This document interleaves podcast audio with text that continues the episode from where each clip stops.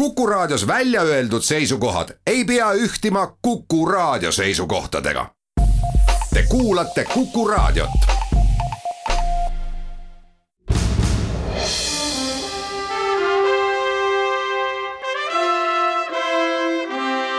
vahetund Postimehega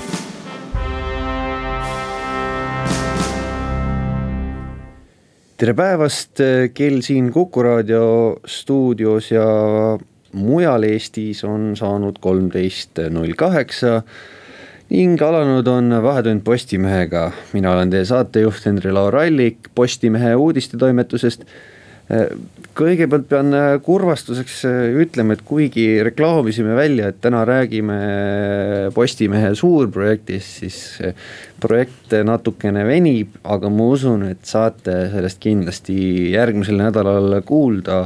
selle asemel võtsime, võtame täna siis natuke aktuaalsemad teemad äh, käiku, räägime piirangute leevendamistest ja saate teises pooles äh, äh, vaatame, mis toimub Toompeal, kus pea kaks nädalat järjest on inimesed koroonapiirangute vastu protesteerinud, meelt avaldanud ja tuleb juttu ka kapo aastaraamatust.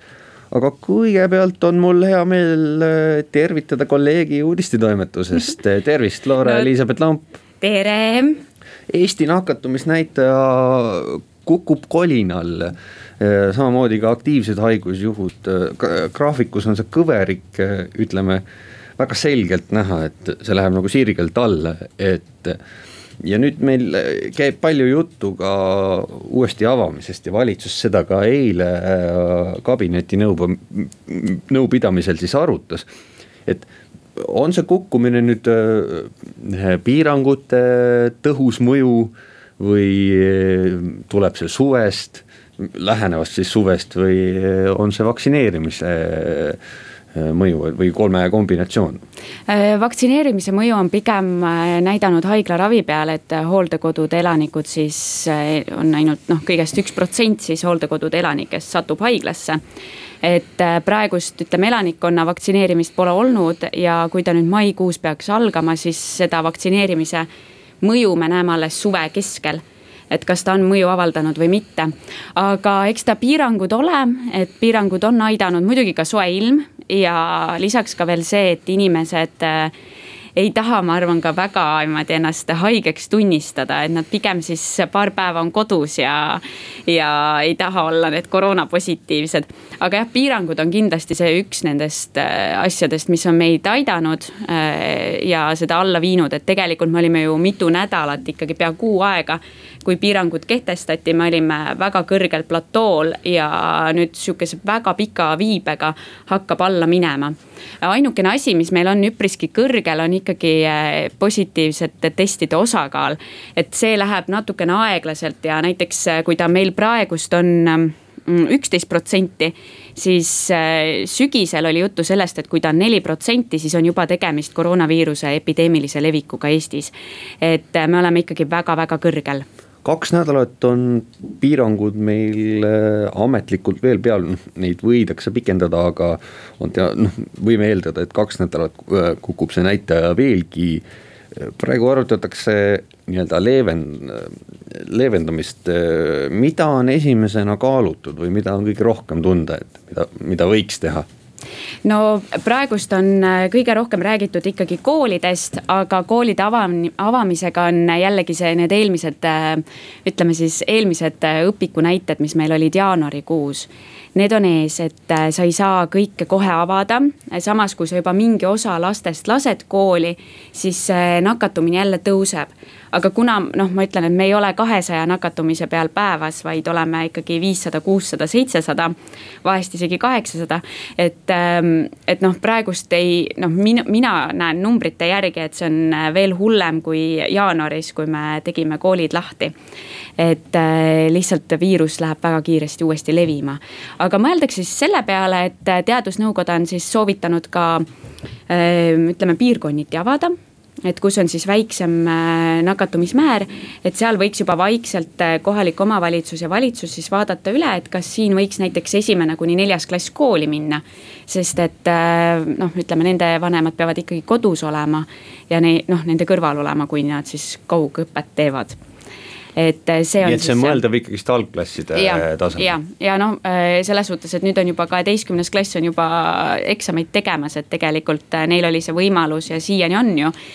minna ikkagi konsultatsioontundidele kohale, et nad ei pea seda kodus tegema, et see oli neil ju võimalus niigi no võib-olla kõiki Kuku raadio kuulajaid eh, nüüd koolide avamine nii, niivõrd ei huvita, aga huvitab kindlasti, et kuidas välisterrasside on ja meluga üldiselt on eh, no,. jääb kauge tulevik ikkagi? Eh, ta on selles suhtes, et, et mm, nii palju, kui ma olen teadlastega suhelnud ja ka siis terviseametiga, siis tegelikult meelelahutuskohad on ikkagi need viimased punktid, mida võiks avada.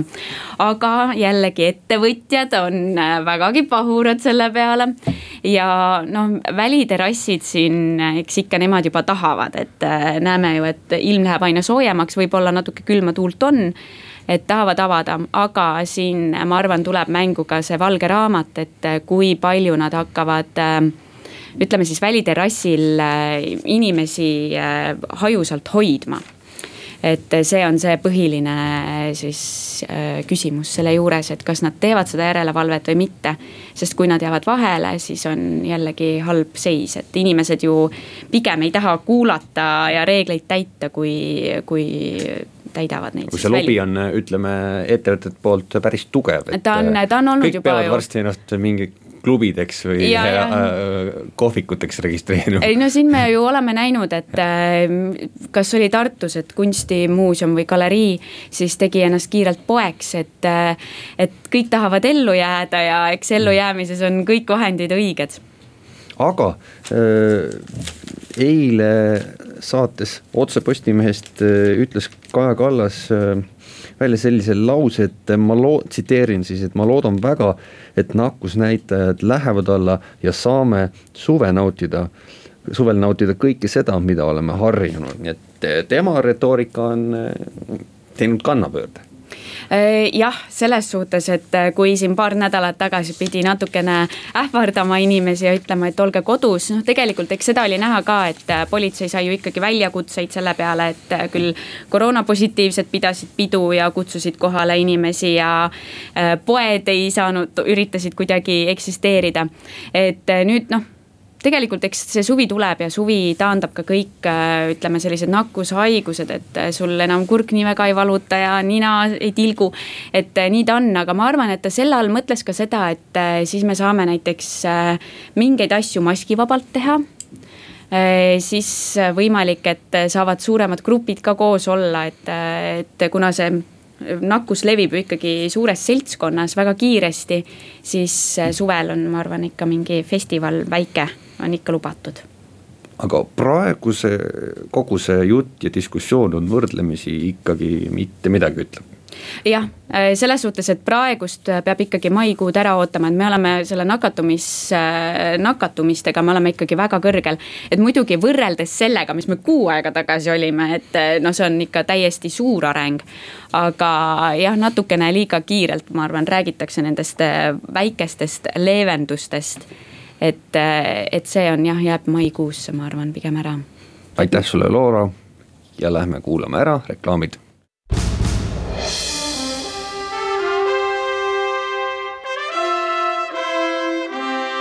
Vahetund Postimehega.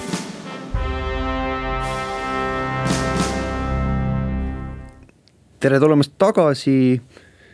Nagu siit stuudioaknast paistab, siis Toompeal ikkagist Eesti lih-, lipp täitsa lehvib ja, ja aga, aga kindlasti ei saa öelda, et seal olukord rahulik oleks, et ja olen stuudiosse palunud hea kolleegi uudistetoimetusest Sander Punamäe. Sander, oskad sa seletada, seal on juba paar nädalat käinud meeleavaldus, et mille vastu inimesed siis protestivad ja oskad sa või mis sinu hinnang on, et kes need inimesed on, et mul on endal hinnang ka, ma olen siin hulga asju kirja pannud, kes need võivad olla või kuidas seda nimetada mm. -hmm.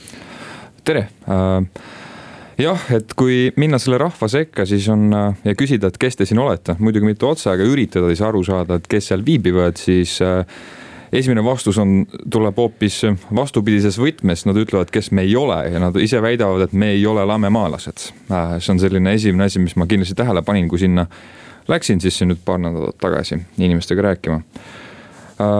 Äh, ja siis see teine asi, mida nad ise ütlevad, et nad, neid ühendab ainult üks asi ja see on siis nii-öelda vastasus ühele konkreetsele seaduseelnõule, see on siis kurikuulus NETS-i äh, seaduseelnõu, mis siis politsei õigusi peaks laiendama aga kui nüüd hakata, hakata ikkagi lähemalt vaatama, siis tuleb välja, et seal, et see lamemaalase jutt pole ka nagu liiga kaugel, et äh, seda seltskonda seal näib juhtivat vähemalt ühelt poolt siis äh, Hando Tõnumaa, kes on avalikult ka välja öelnud, tema usub, et maailm on lame.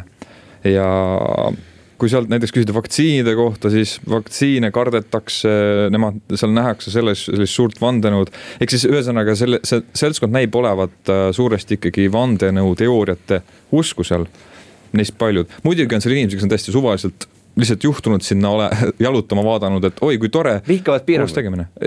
jah, jah.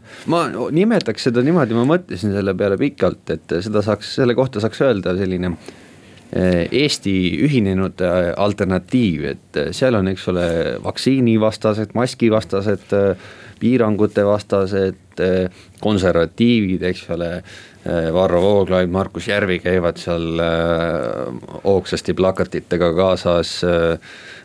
Neid vandenõuteoreetikuid ja neid nii-öelda tõnumaalasi on seal ka näha ja samuti ka, mis kõige huvitavam, looduslapsi, et kurikuulus Mati Oja ja ja üks, ma ei mäleta nüüd härra nime, perekonnanime, aga Ott on ta e eesnimi, kes, kes sai tuntuks hõberemmelga kaits-, kaitsmisega ja seal all öö, ütleme, et Mati Oja küll märatses, aga siis oli ka seesama härra, kes puu otsa ronis, et nemad on ka seal platsis ja figureerivad, et see on nagu kõik erinevad inimesed ühe eesmärgi nimel, nad on seal. mina tooks ühe sellise märksõnana välja, mis neid ühendab võib-olla kõige abstraktsemas mõttes, on siis usaldamatus, usaldamatus kõige äh, suhtes, mis äh,, mis äh, no ütleme teadlaskonna, valitsuse, riigijuhtide ja selle noh, väga kaugele välja, et see on selline suur usaldamatus ja kui ma üritasin ka ise sellest aru saada, rääkisin siis nii-öelda neid, rääkisin mm, siis noh, mõne psühholoogi ja mõne nii-öelda eksperti, kes seda valdkonda on ka päriselt uurinud, siis selle usaldamatuse taga või mis seda nagu tekitab või mida see, mida see koondab, see on siis see on selline grupp inimesi, kes tunnevad, et nad on mingist arengurongist maha jäänud, see on siis see, mida mul on öeldud ja ühelt poolt noh, minu see enda kogemus seal platsil seda kinnitab, et seal on seda vaadet asjale ka, et, et, et nad on millestki ilma jäänud ja seal on mingisugust siis ängi tunda teatud mingisuguste arengute vastu ühiskonnas. aga samas on ka seal inimesi, kes on ju ettevõtjad, kes on elu täitsa enda kätte võtnud, nad on oma, oma elu peremehed ja siit tuleb ka see teine asi, et nad tahavadki olla justkui nad tahavad võtta, haarata nagu kontrolli enda mõtete üle ja nad tahavad haarata kontrolli selle olukorra üle, et sest et see pandeemia on tekitanud korralikku sellist segadust ja, ja arusaamatust, mis ühiskonnas toimub. ja praegu mulle tundub, et nende inimeste jaoks see vandenõuteooria pakub sellist äh, kindlamat ja terviklikumat lugu, kui teadus seda täna suudab. ja seadus, mille vastu nad protestivad, siis see nakkushaiguste ennetuse ja tõrje seadus selle tõlgendus neil kindlasti ühtne ei ole, see on võrdlemisi meelevaldne, seal räägitakse koju tungimisest ja laste äraviimisest. jah, seda tuleb küll tõdeda jah, et, et ähm, selle, sellest, et selle seaduse tõlgendus on hästi ühene või selline hästi must ja valge. ja siinkohal võib-olla tasub ka märkida seda, et et äh, ise tajun selles küsimuses väga tugevat polariseerumist äh,. eeskätt see väljendub siis selles, et äh, et äh, aeg-ajalt äh, ma näen, et inimestel on keeruline küsida kriitilisi küsimusi ehk selle seaduse suhtes, ilma et neid hakataks kohe äh, siis panema ühte patta nende inimestega, kes seal Toompeal on ja pan- ja, ja selle ühesõnaga selle kriitikaga ühe seaduse suhtes tahetakse sageli äh, siis äh, siduda ka seda lame, lamemaalase sellist mõtteviisi, mis on minu hinnangul vale osavalt on ohjad võtnud kätte EKRE, kes kogu selle seltskonnaga flirdib ja väga oskuslikult ja on NETS-i vastu algatanud ka obstruktsiooni, et see on ilmselt häälte eesmärgil. Ja kui nüüd rääkida veel jah, kes seal on, siis panin tähele, et päris palju seal ikkagi äh, ütleme viis seitse, kaheksa, üheksa inimest, keda ma tundsin ära, kes käis ka näiteks tõrvikurongkäigul. kes juba seal rääkisid mulle sedasama juttu, et see kõik on suur vandenõu ja samuti nii nagu see valitsuse vahetus meil olevat olnud riigipööre. et äh, jah, see tuleb, ma ütlen, siin on mingi, mingisugune tera sees, et need inimgrupid mingil põhjusel, kes seal siis käivad selle seaduse vastu meelt avaldamas, vandenõuteooriatest rääkimas. see seltskond natuke kattub selle EKRE valijaga või ütleme siis selle populistliku jõu valijaga. seltskond väidab, et neil juhti ei ole. selgelt me näeme, et äh, juhte on mitmeid, me võime siin välja tuua maskivastaselt protestilt tuntud William Koval, kes väidab, et tema on lihtsalt osaline, kuigi äh, nii-öelda väga selgelt juhib, siis seal on äh, sellise ühenduse nagu Vaba Eesti loonud äh, Veiko Huuse, kes on ka leidnud mingi äh, nii-öelda kuulajaskonnaga kõige huvitavam mees, kes on vast kõige edukam olnud selle juhtrolli saavutamisel, on endine Keskerakonna munitsipaalpoliitik ja ka endine Ergioski töötaja Tanel Kaptšenko uue nimega siis Daniel Rüütman. mis mehega tegu, sa oled temast dokumentaali teinud ka? jah äh see algas, algas niimoodi, et äh, ma nägin, et sellest tuleb midagi teha, sellest meeleavaldusest, nendest inimestest ja võtsin ühendust William Kovaliga, kes. ma ei ütleks, et ta on seal suur juht, aga ta on selgelt mingisugune liider. ta skandeerib ju. ja, ja, ja inimesed vaatavad talle alt üles ja tulevad temaga mingil määral ka kaasa mm. -hmm ja ma helistasin talle, küsisin, kes on selle asja taga, kes on teie juht, kes seda asja korraldab, keegi pidi selle Facebooki ürituse ju tegema. ja tema ütles, et tema ei ole valmis intervjuud andma. ta ei oskagi öelda, kes oleks valmis nagu intervjuud andma. aga kui ma natukene ikkagi üritasin veel, surusin, et kellegiga võiks ju mingisuguse intervjuu, mingi loo teha, siis tema isiklikult suunas mind selle Daniel Kaptšenko juurde. ehk siis tegelikult, kui mõni võib öelda, et sa panid nüüd kaks nime kokku, Tanel Kaptšenko, jah. jah, see oli juhuslik, aga äh, ehk siis äh, jah, et mingisugune tegemist on jah, lihtsa inimesega, ma ütleks niimoodi, kes siis on töötanud erinevatel ähm, ametikohtadel, ladudes, poodides. Ja mida, ja ma ei taha suurt süvaanalüüsi tema psühholoogia või psühhomaailmasse teha, aga ma nägin ka seda kindlasti, et tal on keeruline lapsepõlv ja, ja elu ei ole teda hellitanud, et ta on võidelnud alkoholismiga ja, ja kõige muuga, et selge on see, et, et, et ta otsib oma teed jätkame kohe samal teemal, räägime härra Rüütmani ideedest, aga kõigepealt kuulame ära uudised.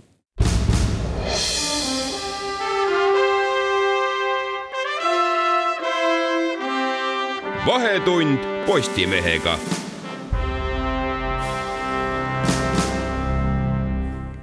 tere tulemast tagasi, stuudios on Henri Laurallik, äh, jätkuvalt Sander Punamäe ja meiega, meiega on liitunud äh, fototoimetusest Madis Veltman. tere.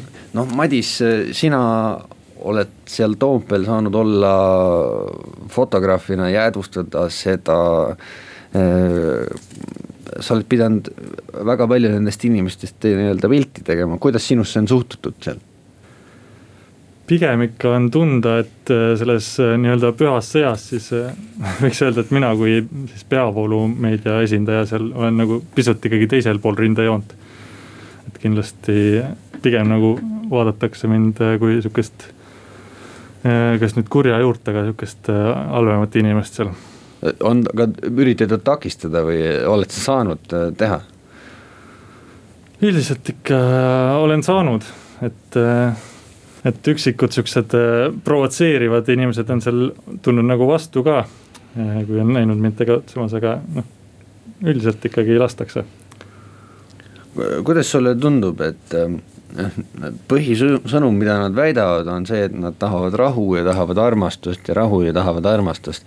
aga tegelikult seda sõimu saab ju võrdlemisi palju seal. no ma arvan, et ikkagi valdav enamus ikkagi on, on tõesti, tahavadki seda rahu ja armastust ja on südamest head inimesed. aga eks seda, seda tugevam kontrast on nende nii-öelda tõrvatilkadega seal meie potis siis, kes tulevad võib-olla tugevamalt esile ja neid tõrvatilkasid üritab ka seesamune mm, Daniel Rüütman, kes on võtnud sellise rahustava liidri rolli, üritab ka nii-öelda hoida seda punti kontrolli all, aga mis selle mehe enda eesmärgid on, ta on rääkinud, ta kutsub kokku tar-, tarkade klubi ja hakkab peaministriks, et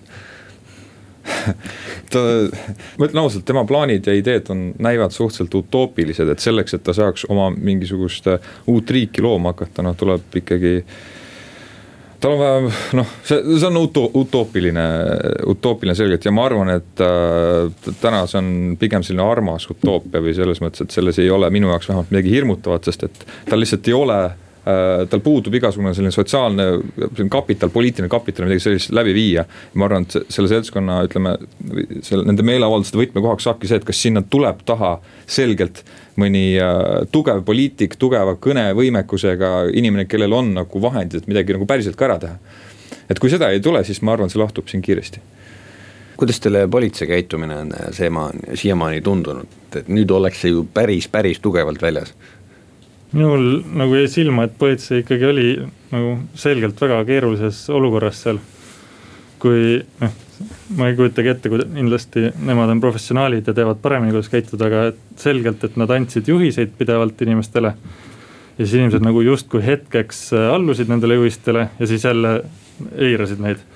ja siis ongi selline piir, et, et, et mis hetkest sa nagu muutud karmimaks nende inimeste vastu, kui nad justkui nagu hetkeks kuuletuvad sulle ja siis jälle hakkavad sind eirama, et, et noh, see on ka mõnes mõttes ikkagi provotseeriti neid äh, politseinikuid seal nagu pidevalt niimoodi pehme provokatsioon, ütleks.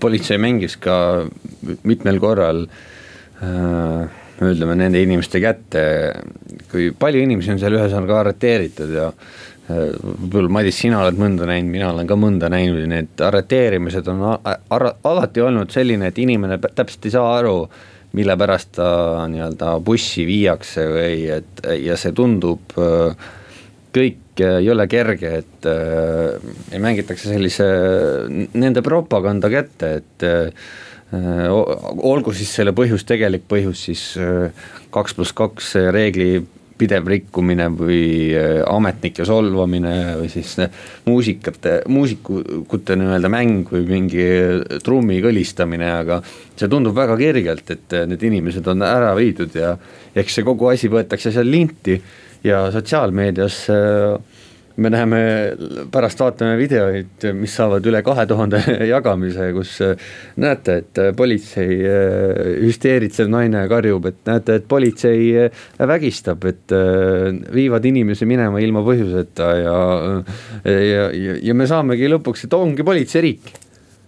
eks see on jah, sihuke ma ütleks, et kui on juba üle nädala see kestnud, see asi seal, siis noh, kui ikka niimoodi aina, aina pressida ja pressida ja noh, ilmselt politsei on ka ikkagi, lõpuks on seal inimesed tööl. et eh, kindlasti noh, mõnes mõttes eh, nad ikkagi langevad jah, ise ka selle provokatsiooni lõksu nii-öelda, aga, aga jah, kuidas see pärast välja näeb, see on ikkagi jah, midagi muud, mis seal kohapeal kogu seda asja nagu pikemas pildis vaadates tundub aga reageeritakse nagu terroriohule või et kas teile ei tundu see ülereageerimine või et saaks umbes poole vähemaga hakkama sealt või on see ikka vajalik? mina olen seda noh, enda tagasihoidlikul hinnangul, et, et politsei peab ikka väga ettevaatlik olema, kui kui, kui, kui minnakse ühel hetkel üks noh, nagu me ütlesime, politseinikud on ka inimesed, kui mõni reageerib lihtsalt seal selles situatsioonis natukene valesti ja sellest võib midagi muud nagu välja areneda, siis, et siis on nagu jama, et siis võib tekkida tõesti mingisugune noh, suurem probleem. ja jah, ja see on minu jaoks võib-olla isegi kõige suurem mure, et kui politseinikel lihtsalt tekib see inimlik viga, tuleb sisse, reageeritakse valesti, kasutatakse liigset jõudu või mida iganes, et. see see on juba juhtunud, et kus on äh, väga selgelt näha, et äh, mitte millegi eest viiakse minema, no seal taga võib-olla pärast selgitatakse, et äh, inimene kas siis eiras midagi, aga sellele e, samale seltskonnale ju jääb ikka see politseiriigi mulje või see ainult kinnistab seda, need meeleavaldused. aga täna seal inimesi ja. niivõrd palju ei ole Toompeas, mida siis näitab, et ehk näitab see siis seda, et ühiskonnas ei ole ikkagi see seltskond niivõrd suur, kes nende ideedega on valmis kaasa minema. Räägitakse rahva eest, aga see on liialdatud. jah, tuleb, tundub küll natukene niimoodi jah, et, et nagu ka äh, sellest äh, uuringust, mida siis läbi viiakse riigikantselei poolt pidevalt äh, siin nüüd kriisi ajal on viidud, et äh, seal on üks küsimus siis selline, et kuidas kas, kuidas on siis riik reageerinud sellele koroonaviirusele ja kui tõsiseks, tõsiseks seda peate ja seal üks vastus on siis, on selline, et, et, et pole, et riik on üle reageerinud, suurt ohtu ei ole ja see number siis on olnud kümme protsenti seal alati umbes samasugune ja see pole kasvanud, et pigem tundub, et see, see suur usaldamatuse ja uskmatuse äh, hulk, määr ühiskonnas ei ole niivõrd suur ikkagi. et siin äh, jääb ainult äh, ütleme poliitilistel jõududel valida, kuidas nad sellega mängivad jah, ja, ja võib-olla jah, tõesti ma ise mõtlesin ka, et hästi need tõrvatilkadest rääkides, üks huvitav tõrvatilk, need on, oli seal üks selline vanem naisterahvas, kes äh, ütles siis omavahel sellele juhile seal, sellele nii-öelda suurele liidrile. et kuule, et mis te siin seisate, et mina jookseks sammu selle ukse maha ja see oli kuuekümne aastane selline noh, tõeline vanaema, et mul oli hästi-hästi tore teda nagu kaugelt vaadata, kui ma seda juttu kuulsin, kuidas ta rääkis, tekkisid korraks nagu kar-, noh, kananahk kihule, et et jumal küll, et. aga Kapitooliumi seal vast ei teki või need liidrid ka ei lase seal tekkida? just, et meil on ikkagi sellised lillelapsed seal vist. kaua te hindate, et need võivad kesta kuni Nets, Netsini või kuni Nets riiulisse läheb? vot mina isiklikult küll ei oska, oska arvata, ma millegipärast arvan, et see tuumik protestijad, nagu siin enne oli juttu, et et need, kes juba hõberemmelga juures protestisid, et noh, et nende, nende elu ongi võib-olla üks protest, et, et nemad ilmselt ikkagi jäävad sinna pikemaks, aga aga kuidas see nüüd Riigikogu töö seda mõjutab, seda ei oska arvata. mina arvan seda, et et nende inimeste äh, tunne seal on siiras, see koos tegemise rõõm, ma arvan, et see on hästi-hästi siiras ja tegelikult äh, hästi ilus ka, kujutate ette, no Tõnis Mägi laulab Koitu, Eesti riigi lipud lehvivad, jagutakse pirukaid, see on, iseenesest on see niivõrd tore, et sellist piknikku võiks pidada hajutatult kuskil aasa peal ja võib-olla tervishoiutöötajate nimel, et siis ma läheks isegi sinna. aitäh, härrased, et saatesse tulite. kuulame ära reklaamid ja siis jätkame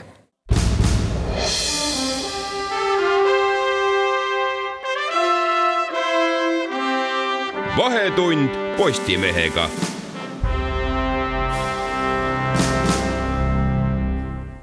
esmaspäeval esitles Eesti Kaitsepolitseiamet eh, oma aastaraamatut, kust oli jälle ja ikka palju huvitavat ja ka murettekitavat lugeda ja olen palunud stuudiosse kolleegi uudistetoimetusest Andres Einmann. tere. Ja liinil peaks olema meil fookuse toimetaja Erkki Koort. tere. no kõige päevakajalisem äh, asi vast eelneva teema jätkuks oli see, et äh, kapo kinnitas, et äh, Toompeal toimuvad protestid ei ole Kremli organiseeritud ja sidemeid seal nii-öelda juhtidega ei ole jah, tõepoolest nagu kapo peadirektor Arnold Sinisalu ütles selle aastaraamatu tutvustusel, et kaitsepolitsei ei tuvastanud sidemeid, et neid meeleavaldusi organiseeritaks Venemaalt või kuskilt Kremlist. loomulikult äh, nende. Nende telefon, liidrite telefonid, vähemalt Daniel Rüütmani ja selle Veiko Huuse telefonid äh, kapo arreteeris, aga ju vist sealt ei olnud midagi leida huvitavat jah, iseasi, kas ka neid saab liidriteks nimetada, sest vähemalt ametlikult ei olegi neil meeleavaldustel ühtegi korraldajat aga lähme aastaraamatu juurde. pandeemia on siin kogu elu mõjutanud, kuid milline mõju ta on olnud vastaste luuretegevusele, et kuidas sa selle kokku võtaksid, Erki? Noh, nii nagu me kõik peame püsima kodudes, peavad ka luurajad või, või veel rohkem nende äh, potentsiaalsed allikad püsima kodudes ja, ja tegelikult äh, noh, klassikalises mõttes on ka see, et, et hästi palju kohtumisi, mis, mis tehakse, tehakse näiteks välisriikides, kuhu sõit on olnud piiratud, mis tähendab, et, et mõnede agentide juhtimine tegelikult on, on aasta jooksul olnud päris pärsitud.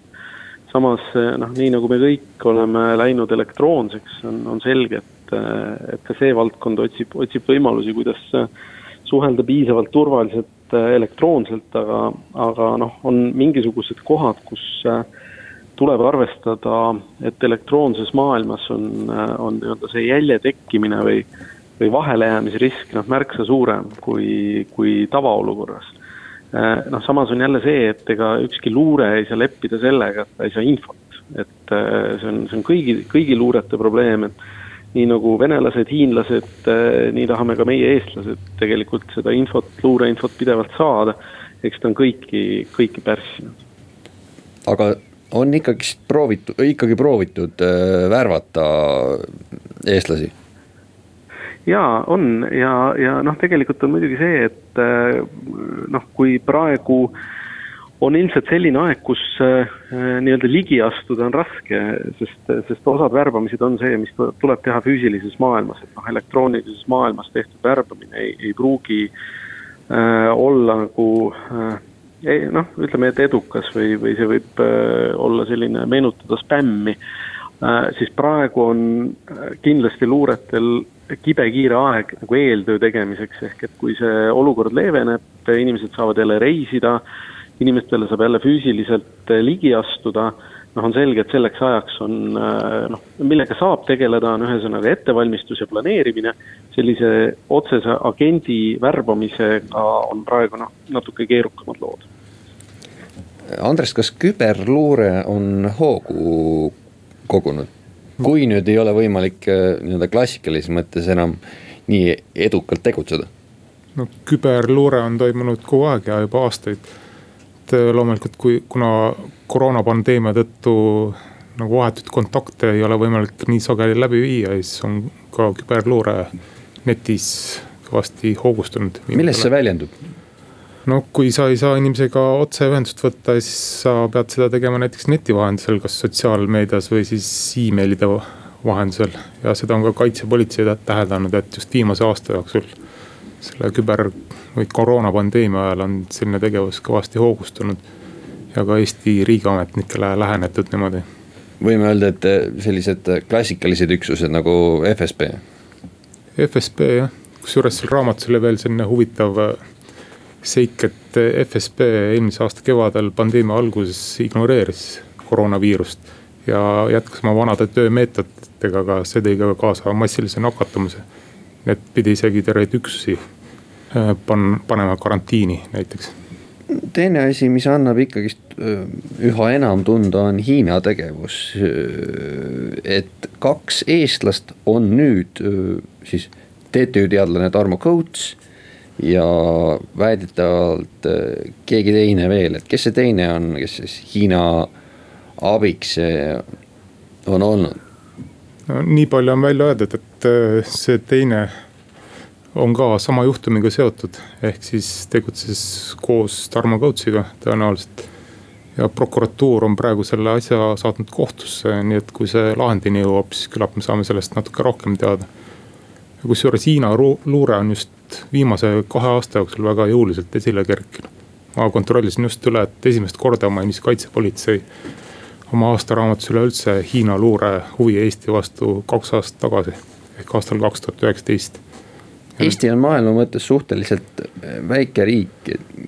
miks Hiina meie vastu huvi tunneb, on see nüüd äh, ülemvõimu eesmärgil, Erki?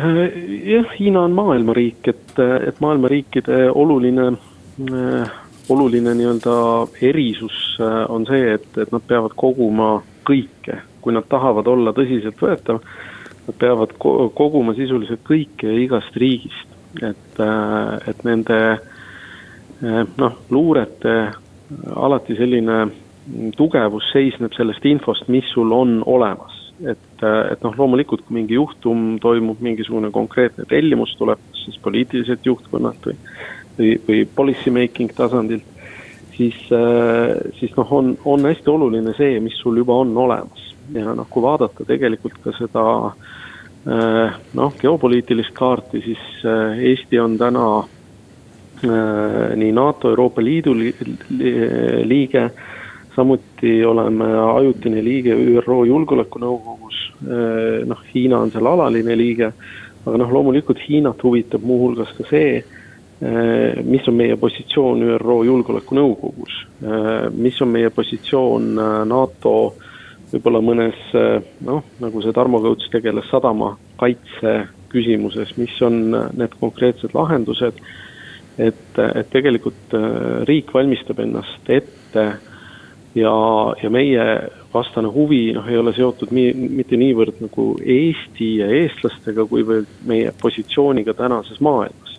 nii et, et ja, ja noh, alati on luurete puhul ka see, et, et kui sa ise ei saa kasutada, noh, võib juhtuda, et sa saad kellegiga vahetada seda infot, et noh, näiteks Hiina ja Venemaa, te annate meile mingit infot, me anname teile mingit teist infot ja noh, Ameerika Ühendriigid kui NATO kõige suurem riik on, on noh, loomulikult sihtmärk, aga ka kõik teised NATO riigid on, on ümberringi sihtmärgid. Neid kaastöötajaid võib Hiinal siin kohapeal äh, rohkem olla.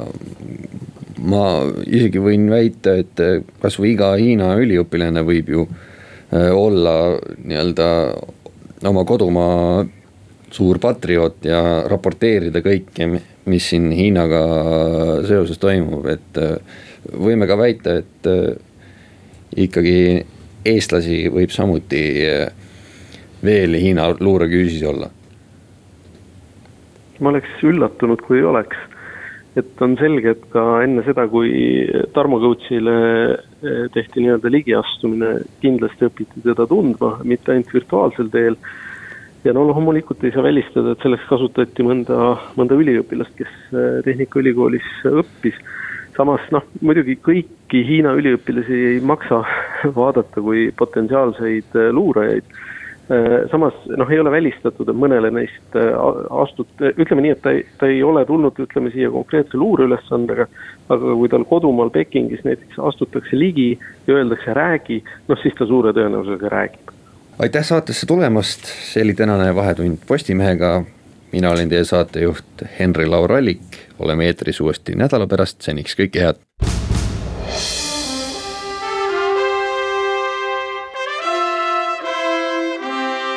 vahetund Postimehega